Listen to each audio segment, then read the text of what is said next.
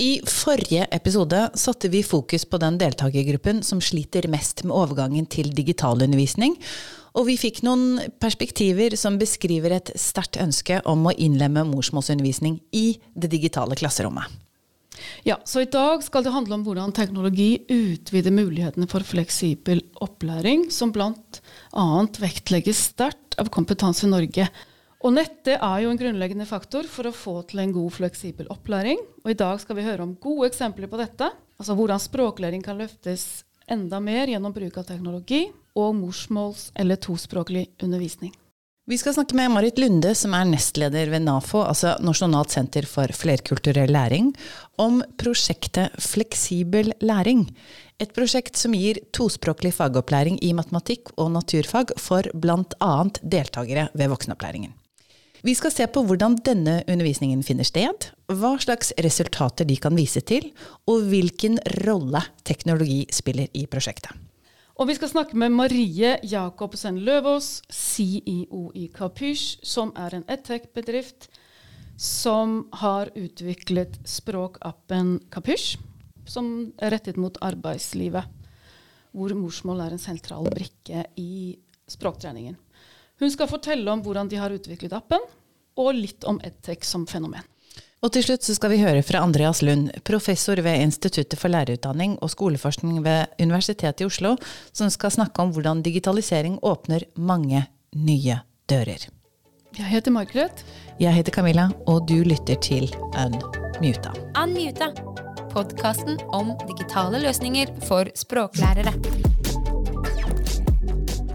Hei Marit, velkommen. Kan du fortelle litt om deg selv?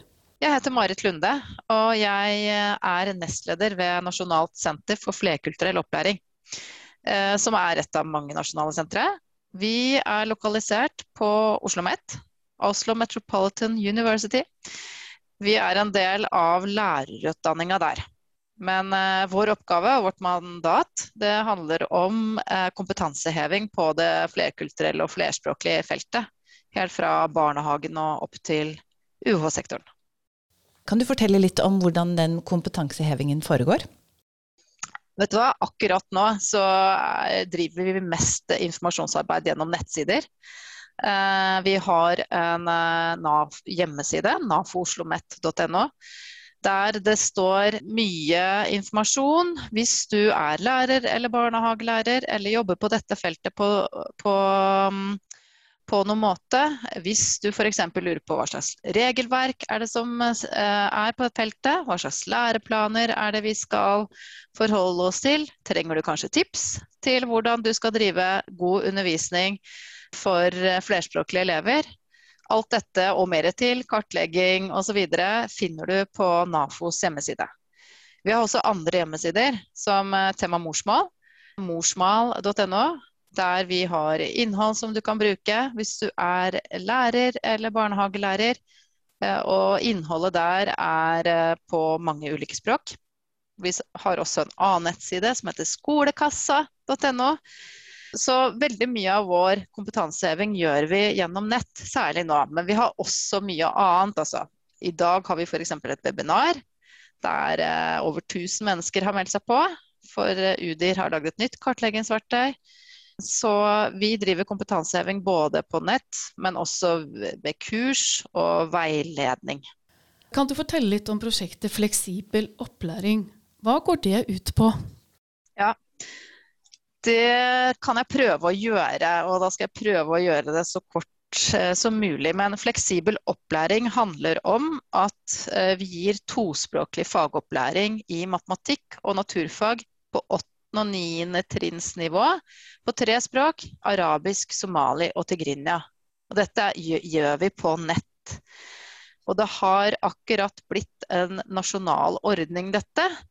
Eh, og når jeg sier 8. og 9. trinn, så gjelder det ikke bare for ungdomstrinnet. Vi har tre målgrupper av elever inn i dette prosjektet. Det er elever som går på ungdomsskolen. Det er elever som går i type innføringsklasse før videregående. Og det er elever i voksenopplæringa. Men alle disse tre gruppene trenger eh, tospråklig opplæring på eh, litt samme nivå. Altså 8. og 9. trinnsnivå, og også lavere. Så det dette prosjektet går ut på, er nettopp det. Og prosjektet tilbys kun for skoler og kommuner som ikke får tak i tospråklige lærere i disse språkene. Aller helst er det best med en lærer på stedet, det vet vi jo. Hvorfor er det så viktig med tospråklige lærere for denne gruppen? Det er spesielt viktig med tospråklig eh, opplæring for nyankomne elever. Og særlig ser vi at de elevene som f.eks. kommer eh, i løpet av ungdomsskolen, de har kjempekort tid på å lære seg norsk og alle de fagene de trenger å stå i før de skal inn eh, i videregående opplæring. De har veldig dårlig tid. Og da er det lurt å benytte seg av det språket de faktisk kan. Og at de kan lære videre i fagene på det språket de kan. Du kan jo tenke deg selv hvis du skulle gått på skole si i Somalia, og så måtte du ikke bare lære deg somali, men du skal lære deg matematikk videre der du er på somali, på et språk du ikke forstår. Det sier seg selv at det tar ekstra lang tid. Så dette er en snarvei som vi bør benytte oss av. Og så er det også sånn at en del av disse elevene har rettigheter til det. Til å få tospråklig fagopplæring. Og Hvilken rolle spiller internett når det gjelder dette undervisningstilbudet? Alt! Vi hadde ikke fått det til uten, rett og slett. Så dette er jo et nasjonalt tilbud. Det er skoler som er med fra helt opp i nord til eh, sør. Og det er eh, veldig mange av disse skolene ligger eh, utenfor bykjernen. I områder der det er eh, vanskelig å få tilgang til tospråklige lærere. Så dette er, prosjektet er basert på nett, rett og slett. Kan du si litt mer om hvordan den nettbaserte undervisningen er organisert? Ja. Vi har en, en, eh, side der elevene Altså en læringsplattform, som det heter. da, Der elevene logger seg inn. Og der kan de finne ressurser. ikke sant? De kan finne filmer som forklarer f.eks. For algebra på arabisk og norsk. Somalia-norsk, Tigrinia-norsk. Dette innholdet er både filmer, og det er ordforklaringer og det er oppgaver. Men det aller viktigste i dette prosjektet er nemlig den undervisningen de får av en tospråklig lærer. Som er samtidsundervisning, som vi kaller det. Altså en undervisning på et gitt tidspunkt. Der møter elevene opp, sånn som vi møter hverandre nå. Bare ikke i Zoom, men i Adobe Connect. Og så møter de nettlæreren sin, og så får de undervisning i et tema som de vet om på forhånd. Og aller helst har disse elevene sett en video om temaet, sånn at undervisningen kan bli enda mer effektiv med den tospråklige læreren. Og hver uke har de undervisning opptil eh, to, tre, fire ganger, alt ettersom hva skolen har meldt inn av behov. Men vi har jo en begrensning der. Men vi har også et tilbud at lærerne kan bestille tid til sine elever. For lærerne kan jo f.eks. se at denne elevgruppa trenger spesielt opplæring i noe her i matematikken der det ikke henger med. Og så kan man bestille akkurat det som elevene trenger eh, av denne nettlæreren. Så det er ganske fleksibelt. Så det er både et tilbud til enkeltelever, men også til hele klassen? Ikke hele klassen. De elevene som trenger det i arabisk, somali og tigrinia. Og de har jo ulike lærere i disse tre språkene. Så hvis vi skal tenke oss uh, Dette programmet handler vel om, er vel retta mot voksenopplæringssenteret. Sånn at uh, hvis vi skal tenke oss hvordan dette er ute på en voksenopplæringsinstitusjon, så sitter de kanskje på ulike grupperom, de som er med, og får da opplæring. Si at tre stykker sitter på et grupperom foran hver sin PC og får uh, undervisning av sin arabiske nettlærer f.eks. i matematikk. Hvordan er samarbeidet mellom den lokale læreren og nettlæreren? Hvordan samordner dere det? Ja, det er det aller viktigste, faktisk. Og det har vi funnet ut, eh, fant vi jo ganske kjapt eh, ut i utprøvingsperioden. At eh, det er samarbeidet mellom den stedlige læreren, som vi kaller det, da, men den læreren som er i klasserommet, og den som er på nett, som avgjør om dette prosjektet blir bra eller ikke. Rett og slett. Og hvordan vi samarbeider, det er jo på ulike nivåer, da. Veldig mye av uh, selve konkrete timeplanleggingen er jo viktig, ikke sant. At de lærerne som har elevene kan velge hvilken tid som passer for dem. Uh, som er fast hver uke, der de har undervisning. Det er den første jobben og informasjon og alt det der som man trenger. Men så er det den uh, jobben som, som er kanskje den viktigste. At man formidler til nettlæreren hva er det dine elever trenger hjelp til. Og særlig har vi sett at lærerne i voksenopplæringa er flinke til å, å formidle til våre nettlærere når de skal ha eksamen, hva de trenger å øve på til eksamen, og kan f.eks. spørre kan du være så snill å øve med mine somalske elever på dette i naturfagene, for dette er veldig vanskelig for dem. Kunne du si noe om hvilke funn i prosjektet ble løftet frem i evalueringen? Ja, Det er flere hovedfunn, men jeg skal trekke fram eh, de jeg la merke til, altså som var de viktigste. da. Det ene var jo at eh, elevene og lærerne opplevde at for dette var jo noe eh, som var intervjubasert. ikke sant? At man intervjua lærerne og elevene selv i forhold til hva de opplevde etter å ha vært med i prosjektet. Og elevene og lærerne opplevde at de ble flinkere faglig sett. Og det var jo for så vidt hovedmålet. At de kom seg videre i matematikk og naturfag. Altså For det veldig mange opplever når de kommer til Norge, er at de bruker all energi på å lære seg norsk, og så blir kanskje resultatet for noen at de blir hengende etter i fagene. Men her eh, så de eh, at Rambøll, som har gjort denne evalueringen, at uh, elevene ble flinkere i faget. Men de fant også en annen veldig viktig ting. Og det var at elevene og lærerne uh, så at de ble bedre i norsk. Og det var et viktig funn for også at, at, Kunnskapsdepartementet skulle gjøre dette til et varig prosjekt. Men så var det en tredje ting, og det var at uh, det forholdet som elevene fikk til nettlæreren sin, var veldig avgjørende her. Og at det var det som elevene meldte om var det mest motiverende for dem, var undervisningen med nettlæreren. Med en lærer som snakka språket deres. Og det er ikke så veldig rart, egentlig. Men eh, de tre hovedfunnene vil jeg trekke fram som de mest sentrale i rapporten. Har du noen tanker om hvorfor det er slik? Er det fordi at de lærer norsk i en kontekst med morsmålsstøtte? Jeg, jeg, tror det er mange årsaker. Jeg tror ikke vi skal si at dette prosjektet alene var det som gjorde at de ble bedre i norsk også. Det er veldig vanskelig å skille hvilke faktorer som får ulike resultater. Men hvis jeg kunne skal si noe forsiktig, så tror jeg at uh, dette er jo ikke bare undervisning på morsmål. Det, er, det heter tospråklig fagopplæring. Det betyr at hovedbegrepene som blir brukt i matematikk og naturfag, er også på norsk. Og alt innholdet på plattformen der elevene kan gå inn når som helst sant, og se en film om f.eks. hvordan er det jeg skal regne ut dette i algebra med parenteser osv. Hvordan er disse reglene. De filmene er jo både på arabisk, somali og tigrina, men også på norsk. Så elevene kan få samme faginnholdet, og det får de både på morsmålet sitt og norsk. Og den koblingen for oss har vært utrolig viktig.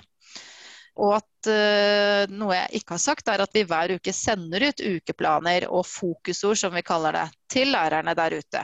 Og disse fokusordene, som er de sentrale ordene som nettlærerne jobber med i løpet av uka matematikk og naturfag, blir også forklart på norsk. Sånn at koblingen til norsk er helt tydelig i prosjektet.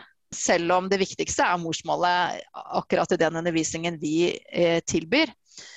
Eh, og så ser vi jo så klart at de lærerne som eh, jobber sammen med oss i klasserommene der ute, de prøver jo så godt de kan å koble dette til den undervisningen de har. Og det er da det blir best, da. Når det er en sammenheng. Ja, når det er en sammenheng, ja. Og denne koblingen foregår også selvfølgelig via internett? Uh, ja, altså vi, vi, har en årsplan i prosjektet. Og så oppfordrer vi skolen til å prøve å følge den så godt de kan. Eller at de spiller inn på at de vil, vil eh, endre ting i vår årsplan. Og så gir jo de vanlig undervisning i klasserommene sine. Men de kan jo bruke disse videoene i full klasse så mye de vil. Eh, de videoene som er på norsk. Hvordan er elevenes respons på tilbudet? Du har jo for så vidt sagt det, det er positivt? Ja, og, og dette er jo tilbakemeldingen. Men det å møte en lærer som faktisk snakker det språket du behersker best, det gjør noe også for elevenes motivasjon. Det sa jeg ikke noe om i stad, men det har kommet veldig fram at det er en kjempeviktig faktor her. At mange av disse elevene også føler at de blir mer motivert for å lære mer i matematikk og naturfag. Fordi de faktisk får det presentert på en måte gjennom et språk som de behersker selv. Da. Har dette vellykkede tilbudet inspirert til å utvikle andre undervisningstilbud på nett innenfor NAFO? Altså, vi har allerede fått et ekstra oppdrag fra Kunnskapsdepartementet når det gjelder nybegynnerengelsk. Fordi vi har fått tilbakemelding fra veldig mange av våre lærere der ute som sier at uh, engelsk er for denne elevgruppa ofte en hindring i utdanningssystemet. Mange av dem sliter med å lære seg også engelsk, hvis ikke de har hatt engelskopplæring uh, før. Uh, så vi er i ferd med å utvikle nybegynnerengelsk med støtte på disse morsmålene. Og det blir veldig spennende og også litt sånn nybrottsarbeid. Og det har det jo vært også hele veien her. Men, men matematikk og naturfag er jo litt eh, likt, da. Så det er jo realfag. Men det å få inn et språkfag også med støtte på morsmål, det syns vi blir uh, veldig spennende. Og vi er veldig spent på hvordan det det blir. Og vi skal prøve det ut nå en periode, innholdet. Og så ser vi hva vi får til til høsten med noen eh, voksenopplæringsinstitusjoner som skal få lov til å være med og prøve det ut. Er også morsmålsstøttet norskopplæring relevant? Jo, hvorfor ikke? Altså, absolutt. Men uh, her er det på en måte bare, bare fantasien som setter grenser, men egentlig penger, da, for å si det rett ut. Fordi vi trenger jo midler til å utvikle dette. Men NAFO ønsker å utvikle det, og vi ønsker også at innholdet her kan brukes av alle. Da. Fordi at sånn som det er nå, så ligger jo disse ressursene bak en, eh, en innlogging. Så det er bare disse elevene som er med i prosjektet som får tilgang til det. Men vi ønsker jo å tilgjengeliggjøre dette innholdet for alle elever som trenger det. Og de som er heldige og har en tospråklig lærer på stedet, det er jo det vi vil. Så dette er jo kun for de elevene som ikke har det, og for de skolene som sliter med å få tak i tospråklige lærere. Men vi vil utvide prosjektet både når det gjelder fag, men også trinn. Eh, og, og flere språk, ikke minst. Ja, altså, Sånt blir man jo litt glad av å høre på. Hvilken lettelse det er det, å høre at det finnes et tilbud som sikrer god, effektiv og resultatorientert læring, der innlærere slipper å kave så mye, og hvor uendelig mye mer motiverende det er å ikke måtte slite seg helt ut, både som innlærer og lærer, for å finne veien til kunnskap. Ja, og for å gå tilbake til tidligere episoder, eh, da ser vi jo her økt fleksibilitet. Det klasserommet kan oppstå på tvers av geografiske begrensninger. For det er nå teknologien begynner å stråle og skinne og vise seg fra sin beste side. ikke sant?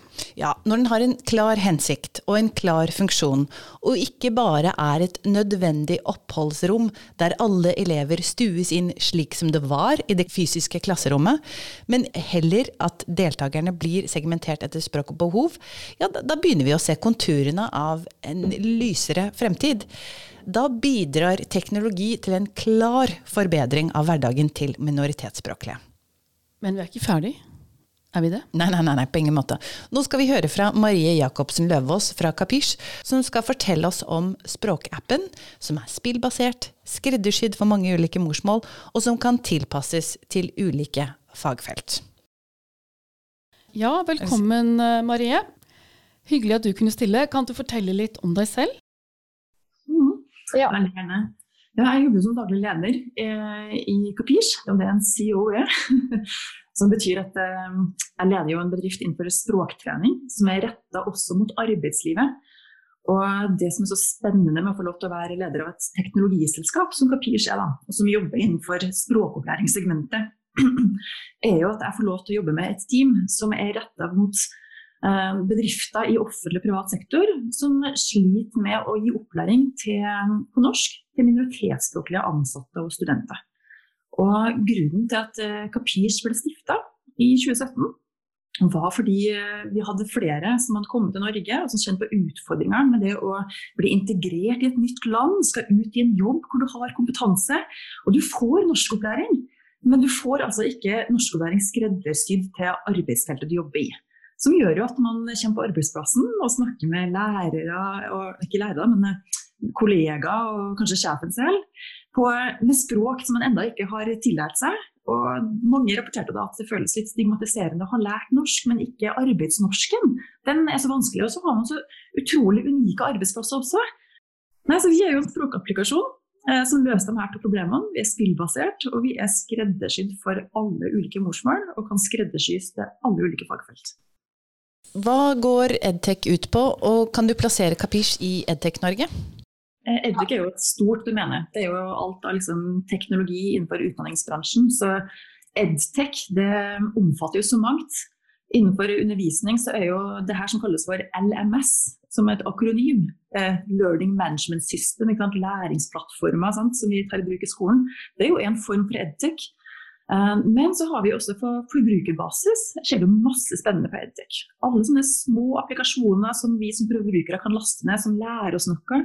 Enten det er om det lærer oss f.eks. å regne mattestykker, eller om det handler om å se videoer om folk som er flinke til å holde kurs på nettet, så er det ulike former for Edtech. Men så er jo det spennende på at teknologibransjen som helhet da, det handler jo om å innovere og finne nye banebrytende løsninger som gjør det lettere å lære, bedre å lære f.eks. Og gjøre oss i stand til å finne bedre løsninger for fremtida enn det vi har i dag. Og Det er jo den segmentet det Kapirs er innenfor. Vi bruker jo teknologi til å løse utfordringer som vi ikke har vært i stand til å løse tidligere. Og så er jo edtech-bransjen en stor bransje. Eh, det er jo mange ulike områder man kan bevege seg innenfor. Og du kan jo si at eh, du har jo ett område som er uh, workforce development, altså arbeidstrening. Sant? Det feltet for arbeidsopplæring. Og så har du et felt som er såkalt i USA kaller de det K12. Hele det her utdanningssystemet som handler om å lære opp grunnskoleelever i ulike fagkombinasjoner. Men så har du en egen sektor som er språkopplæring. Og Kapish vi er jo et selskap som omfavner flere av disse sektorene. For vi tar for oss hele sektoren for språkopplæring, og så kombinerer vi den med behovet for arbeidsretta og kontrollopplæring. Og Det betyr at vi, språk, vi gjør språktrening, men vi tilpasser språktreninga for å gjøre kandidater i stand til å lære det som trenes bort innenfor arbeidsretta opplæring og andre felt. Men også du nevnte LMS. Det er jo ofte litt sånn større plattformer. Men hvor plasserer du Kapysj i dette landskapet? Kapysj er jo en spillbasert språkapplikasjon. så Mange som laster ned Kapysj og begynner å spille Kapysj, de opplever at Kapysj ligner litt på de forbrukerapplikasjonene innenfor språk, sånn Duolingo, Babble osv. At det er spillbasert, det er lekent. Man kan logge seg på med sin egen e-post og komme inn i et sånt lekent, fargerikt univers med ord og uttrykk og bilder og lyd, sant? som gjør det engasjerende og motiverende å lære. Men så er det sånn at um, Kapish vi har jo laga en løsning som er tilgjengelig for uh, voksenopplæringa og arbeidsplasser. Som betyr at vi er jo i stand til å følge opp den enkelte lærer og skole og arbeidsplass for å se på hvordan elever og kandidater som spiller med appen, kvalifiserer f.eks. Så vi, jo, vi måler f.eks. som helhet på organisasjonen hvordan, hvor mange som fullfører f.eks. ulike kurs hvor mange som består ulike scenario inni appen osv. Så, videre. så på den måten kan du si at det er jo en slags modell i Kapirs også, som er mer retta mot eh, arbeidsgiver. Men det er jo ikke noe som, eh, ikke noe som en elev eller en arbeidstaker kommer borti. Her handler det rett og slett om å være litt sånn lekent, eh, leken tilnærming til å lære og mestre språket. Kan du si litt mer om det spillbaserte? Hvorfor har dere valgt det elementet? Hvorfor skal vi ha det gøy å leke når vi lærer? Det er et godt spørsmål. Altså, fordi det her med spill det er så viktig for eh, ting som er repetitivt. Og når det handler om å lære språk, så handler det om For det første så var jo noe av det vi starta med, å tenke på hva skjer når man lærer seg et nytt språk. Jo, altså, Første gang du lærte et språk, så var du kanskje Det var jo barnealderen, ikke sant. Det var bare noen få år gammel, og du begynner å lære deg språket. Og et språk er jo så rikt og så mangfoldig. Men tilnærminga til språk det handler jo om å prøve og feile. Det er en litt leken tilnærming. og om man lærer et språk når man er spedbarn omtrent, eller i voksen alder, så er det egentlig samme utgangspunkt. Sant? Man må tenke at man leker litt som et barn, for det skal være lov til å prøve og feile. Og det her med lek og spillbasert læring er noe vi vet av både av praksis og av måte, erfaring at fungerer. Folk ønsker å bli stimulert når man lærer, og man ser også det at ting som i bunn og grunn kan virke litt kjedelig, som repetisjon f.eks det er jo ikke noe man liker å gjøre over lengre tid. Så det å sitte og pugge øvelser frem og tilbake og trene på ord og uttrykk, det blir kjedelig i lengden. I hvert fall hvis man sitter med penn og papir. Men dersom det pakketteres inn med spill, og man gjør det til kortere leksjoner, som i en mikroøvelse f.eks. En mikroøvelse det er en øvelse som tar bare noen få minutter å gjennomføre det. Og så kan man kanskje få en liten smakebit av denne små opptreninga dag etter dag. Da sørger vi for at um, vi får til den repetisjonen, men gjør det morsomt. Og ikke minst at vi etter hvert begynner å lage de her ordene og uttrykkene i kandidatens kandidaten sitt langtidsminne. slik at det blir huska også over tid. Hvordan kommer det spillbaserte til syne? Er det sånn at jeg får poeng, eller kan jeg konkurrere med arbeidskollegene mine, eller, eller hvordan, hvordan, virker det? Inne i Kopirs så har vi jo Foreløpig har vi ikke lagt inn muligheten for å konkurrere med kollegaer, men vi har likevel gjort det interaktivt, så det er mulig å simulere et samarbeid med kollegaer. Og det er jo litt gøy. Fordi Inne i spillet så har vi jo for det første språktrening, som bruker mange spillelementer. Alt fra puslespill av språk til å bygge, setninger. Det er poengbasert, og man scorer poenger i appen. Men vi har også, eh, vi har også en spennende øvelse som bygger på rollespill. Eh, og rollespill det handler rett og slett om å simulere for kandidaten hvilke situasjoner man kommer bort i arbeidslivet. Og Noe av det som er utfordringen for mange, det er jo det at man starter å lære språk, og man syns det er gøy å trene på ord og uttrykk og det å lese og forstå språket, men så sitter det kanskje litt langt inne det å bruke språket. Etter hvert begynner vi å bli gode til å lytte til hva som blir sagt på film og TV, men hvordan skal vi bruke språket selv? Og det, det her rollespill handler om. Så Vi har jo da mulighet til å simulere rollespill fra arbeidsplassen, som vi skreddersyr til ulike fagfelt og miljø. Så for eksempel, da, så har vi jo en arbeidsplass vi jobber nå som er Norsk Kylling. Og på arbeidsplassen der så er det jo et, um, et scenario hvor man ønsker å trene opp um, eh, ansatte i hvordan skal man ringe til sjefen og si at man er syk, f.eks. Eh, det har jo vært tilfeller hvor det har vært veldig vanlig at man ringer, og så ringer man inn og sier 'syk'. Og så legger man på telefonen uten at egentlig arbeidsgiver får beskjed om hva, hvordan er du syk, eller hva for noe hjelp kan vi gi deg, skulle vi henvise deg til bedriftshelsetjenesten osv. Og her handler det om flere ting. Det handler om å både la en kandidat få lov til å prøve seg på en sånn type samtale, som kan være litt utfordrende. Men så handler det også om å gi kandidaten muligheten til å se hvilke andre svaralternativ kunne også vært riktige svaralternativ i den konteksten av et sånt rollespill. Og eneste måten å svare på en øvelse i et rollespill i Capiche, er å bruke stemmen sin. Og det er her teknologien kommer inn. ikke sant? For telefonen den lytter til stemmen eh, som blir sagt, og kan dermed lytte etter hvilken setning brukeren sier, og dermed tas brukeren videre i det spillbaserte scenarioet. Og det her er jo litt spennende, sant? fordi ja. hvordan du kommuniserer og hvilke svar du velger å avgi, kan dermed gi ulike utfall for et scenario. Wow, for en app! Uh, og hvilken lettelse det må være for en uh, minoritetsspråklig å ha en sånn ressurs tilgjengelig i baklomma når de er på jobb. Ja, definitivt. Og både språkappen Kapish og det tospråklige tilbudet fra NAFO eh, er jo gode eksempler på hvordan nettet og digitale verktøy åpner opp for en mer fleksibel undervisning som er individuelt tilpasset. Men er det andre dimensjoner som åpner seg her i forhold til undervisning og læring? Ja, altså interessant. Ja, det er jo derfor vi skal ta en prat med Andreas Lund om akkurat dette. La oss høre om hva han har å si. Hei, Andreas. Kan du fortelle litt om deg selv? Ja, men Da kan jeg jo begynne med å si at uh, jeg heter Andreas Lund.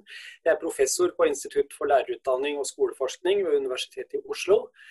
Og etter først å ha vært eh, lektor i videregående skole i 20 år, så ble jeg i økende grad interessert i digitalisering. For det begynte vi å merke i skolevesenet. Og så fikk jeg anledning til å ta en doktorgrad uh, innenfor dette med læring og digitalisering. Så de, eh, det førte til at jeg i 20 år drev forskning og undervisning knyttet til dette med læring og undervisning i teknologitette omgivelser. Så det er en av grunnene til at jeg er her. Du har uttalt deg om at læringsrommet er utvidet som følge av digitaliseringen. Hvordan mener du dette påvirker undervisningen? Ja, For det første, digitalisering opphever begrensninger i tid og rom. Og skole har jo historisk foregått i et klasserom til bestemte tider. Så plutselig, så i løpet av noen få år, så eksploderte jo dette med et utall av ekstra dører. Og når dette skjer, så er det ikke bare rommet som utvides, men det som også skjer, er at eh, digitalisering knytter sammen hoder. Det knytter sammen hender. Og det knytter sammen hjerter, eller i hvert fall emosjoner, på godt og vondt. Sånn at dette gjør jo at læringssituasjonen blir dramatisk endret i, i løpet av kort tid. Så eh, det det betyr for undervisning og læring, uansett nivå, det er jo at dette fører til en ny form for samhandling. For i og med at eh, det opphever begrensninger og knytter oss sammen, så er det samarbeid som eh, fremstår på helt nye måter og med helt andre muligheter for å lære. Og det andre det er jo at vi også kan samhandle på tvers da, av land og kulturer. Slik at uh, dette å være ja, På forskerspråk kaller vi dette for sånn polikontekstualitet. Altså jeg er mange steder på en gang, sånn som du og jeg er nå. Jeg er hjemme, men jeg er jo i møte med deg. Så plutselig så ble jo dette her med tid og sted, det ble helt annerledes. Så det er vel eh, svar på det første spørsmålet om det utvidede klasserommet, tenker jeg. Oi, Camilla. Nå har vi prosessert mye nytt tankegods. Definitivt. Hva, hva tenker du? Jeg, jeg tenker at uh, jeg, Nå begynner jeg å se konturene av en veldig interessant fremtid, og jeg ser enda mer positivt på bruk av teknologi i klasserommet for nettopp å hjelpe målgruppen. Ja, jeg, det gjør jeg òg. Liksom Altså når man bruker teknologien målrettet og bevisst, hva gjør den, kan den gjøre underverker? Altså Potensialet for å skreddersy enda mer eh, og, og, segmentere etter, etter, språk og bruke morsmålsundervisning, det, det, det ser jeg på som, det, det, ser jeg veldig positivt på. Ja, Det er, sånn, det er en glad nyhet, rett og slett. Ja, det, blir man faktisk veldig glad for. Ja, absolutt. Men i neste episode så skal vi jo ta dette temaet videre. Da skal vi se nærmere på dette som Andreas Lund er inne på, at dagens lærere blir mer og mer designere.